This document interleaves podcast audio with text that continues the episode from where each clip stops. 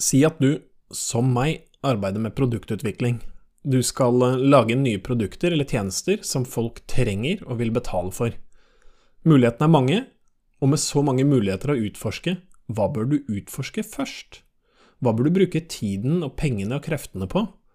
Og hvordan vet du at det ene er viktigere å utforske før det andre eller tredje? Og hvis ikke du vet, hvordan velger du? Hei, Martin her, og du lytter til Finnbull.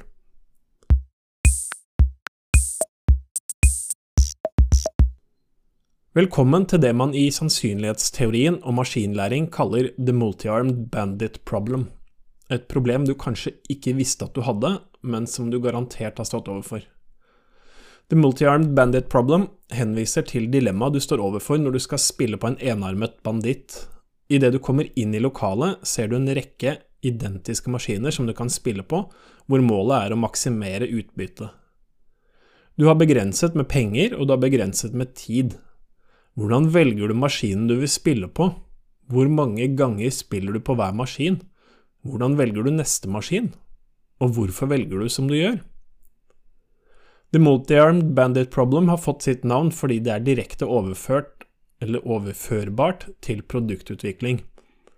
Du kan velge å lage tjeneste X, Y eller Z. Hvordan bestemmer du hvem du bør lage, eller rettere sagt teste, først? Hvordan velger du mellom tjeneste X, Y eller Z? Du har begrenset med ressurser, begrenset med tid, begrenset med penger og begrenset med folk. Ingen har ubegrenset av alt. Hvordan prioriterer du ressursene mellom konkurrerende alternativer på en måte som maksimerer utbyttet, når du har begrenset innsikt og kunnskap om tjenestene du vil velge mellom, og slik innsikt og kunnskap først tilegnes ved å starte med å jobbe med en av dem? Dette er blant de vanskeligere dilemmaene jeg står overfor på jobben. Og da snakker jeg ikke om mindre oppgaver som skal prioriteres fra dag til dag, men om nye konsepter som kan anses som en vesentlig utvidelse av dagens aktivitet, og som krever strategisk forankring og beslutning. Kunde A har behov for tjeneste X, kunde B ønsker seg tjeneste Y, og kunde C er ikke engang klar over at tjeneste Z vil løse et stort problem for dem. Kanskje har hver av disse kundene også en kundeansvarlig hos deg, som ivrer etter at disse tjenestene blir laget fordi kundene etterspør dem.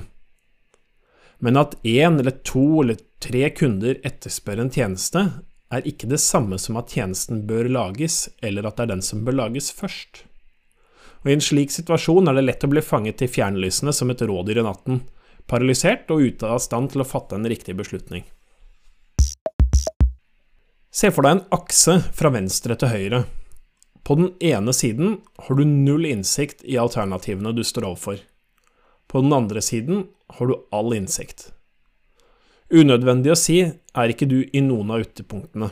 Du vil alltid ha litt innsikt. Men hvor mye, og hvor mye trenger du egentlig? Din jobb er å evaluere alternativene, altså tjenestene, opp mot hverandre på en strukturert og sammenlignbar måte, og på en måte som ikke krever for mye tid i seg selv, tid du like gjerne kunne brukt på å starte med et av alternativene. Bruker du for mye tid på å velge hva du skal starte med, kunne du kanskje ha testet ferdig hypotesen om at tjeneste Y f.eks. er mest attraktiv.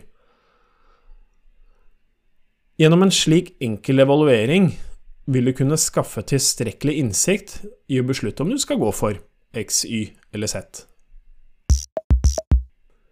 Det første du må sikre, er felles forståelse av hva de nye tjenestene faktisk innebærer, slik at alle har felles forståelse av hva det betyr.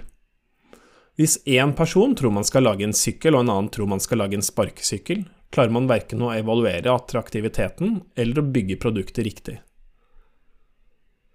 Det andre du trenger, er å kommunisere til dem omkring deg at dette er et veddemål. Det er et veddemål, og du risikerer å tape. Du skaffer litt innsikt, og deretter satser du tid og penger som du risikerer å tape fordi innsikten var feil, fordi forutsetningene endrer seg, eller fordi du rett og slett ikke klarer å levere på behovene, eller klarer å løse problemene som man ser for seg at man skal løse for kundene.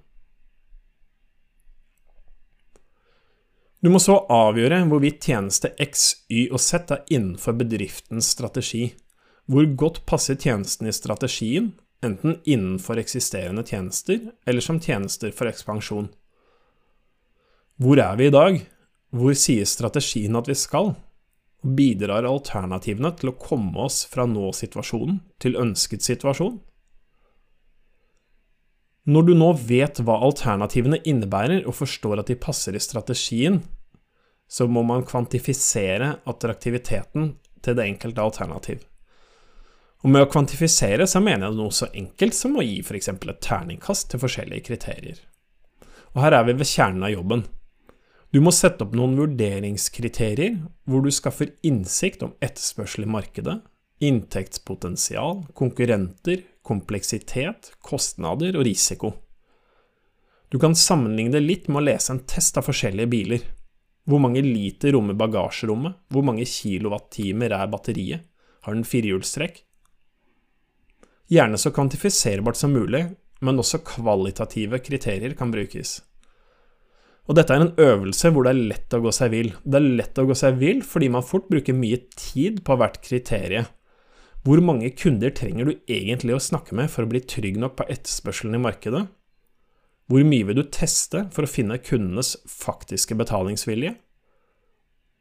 Og hvordan vil du teste for å finne kundenes betalingsvilje? Hvor langt trenger du å gå for å skille hva kundene forteller deg at de trenger, fra hva de faktisk trenger? Her trenger du å gjøre et visst stykke innsiktsarbeid med kundene, kombinert med de erfaringene som du har gjort fra før.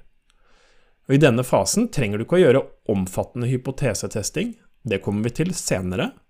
Nå gjelder det først og fremst å velge et alternativ å jobbe videre med.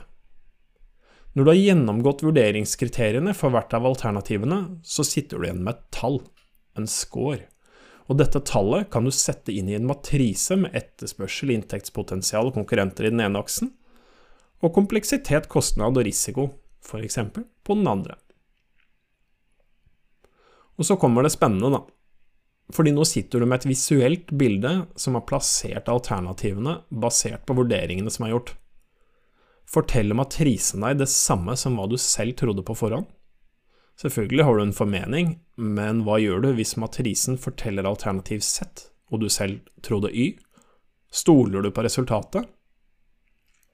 Hvis ikke får du vurdere kriteriene en gang til, men fall ikke for fristelsen av å justere på vurderingene bare for å få dem til å passe dine egne antagelser. En slik strukturert gjennomgang leder ut i en rekkefølge som anbefaler deg hvilket alternativ du bør starte med først. Og da sier jeg hvilket, ikke hvilke. Vi starter med alternativ Z, og resten rører vi ikke. Når jeg her forteller om prosessen om hvordan du håndterer the multi-armed bandit problem, så høres det enkelt ut. Men at jeg bruker en 10-15 minutter på å snakke forenklet om en prosess, gjør ikke prosessen enkel. Fordi din prosess er vesentlig mer komplisert enn eksemplene jeg benytter. Sannsynligvis har du flere alternativer, du har vanskeligere vurderingskriterier, og du har sikkert også flere interessenter som bryr seg om hva du lager. Virkeligheten er grisete, og det er din jobb å håndtere den. Det er derfor du har jobben. I en senere episode må vi snakke om hvordan vi tester alternativ sett i markedet før vi lager tjenesten. Selg skinnet, skyt bjørnen. I den rekkefølgen. Hvordan tester du din hypotese om at alternativ sett er mest attraktiv? Hvordan tester du hva kundene vil betale for tjenesten? Hvordan vet du hva du trenger å teste? Det er ikke sikkert du velger riktig enarmet banditt, og kan hende taper du veddemålet. Og det er derfor det er viktig å gjøre denne øvelsen før du starter med å lage tjenestene du kan velge mellom, for da kaster du ikke bort tid og penger på å faktisk lage tjenesten dersom veddemålet slår feil. Forhåpentligvis har du blitt litt klokere om hvordan du tilnærmer deg problemet, om ikke du gjør en full evaluering neste gang du tar danskebåten, bør du i det minste ta med deg kunnskapen fra denne episoden av Finnbull tilbake til jobben, i stedet for å stole på magefølelsen. Tusen takk for at du lytter til Finnbull. Vi høres.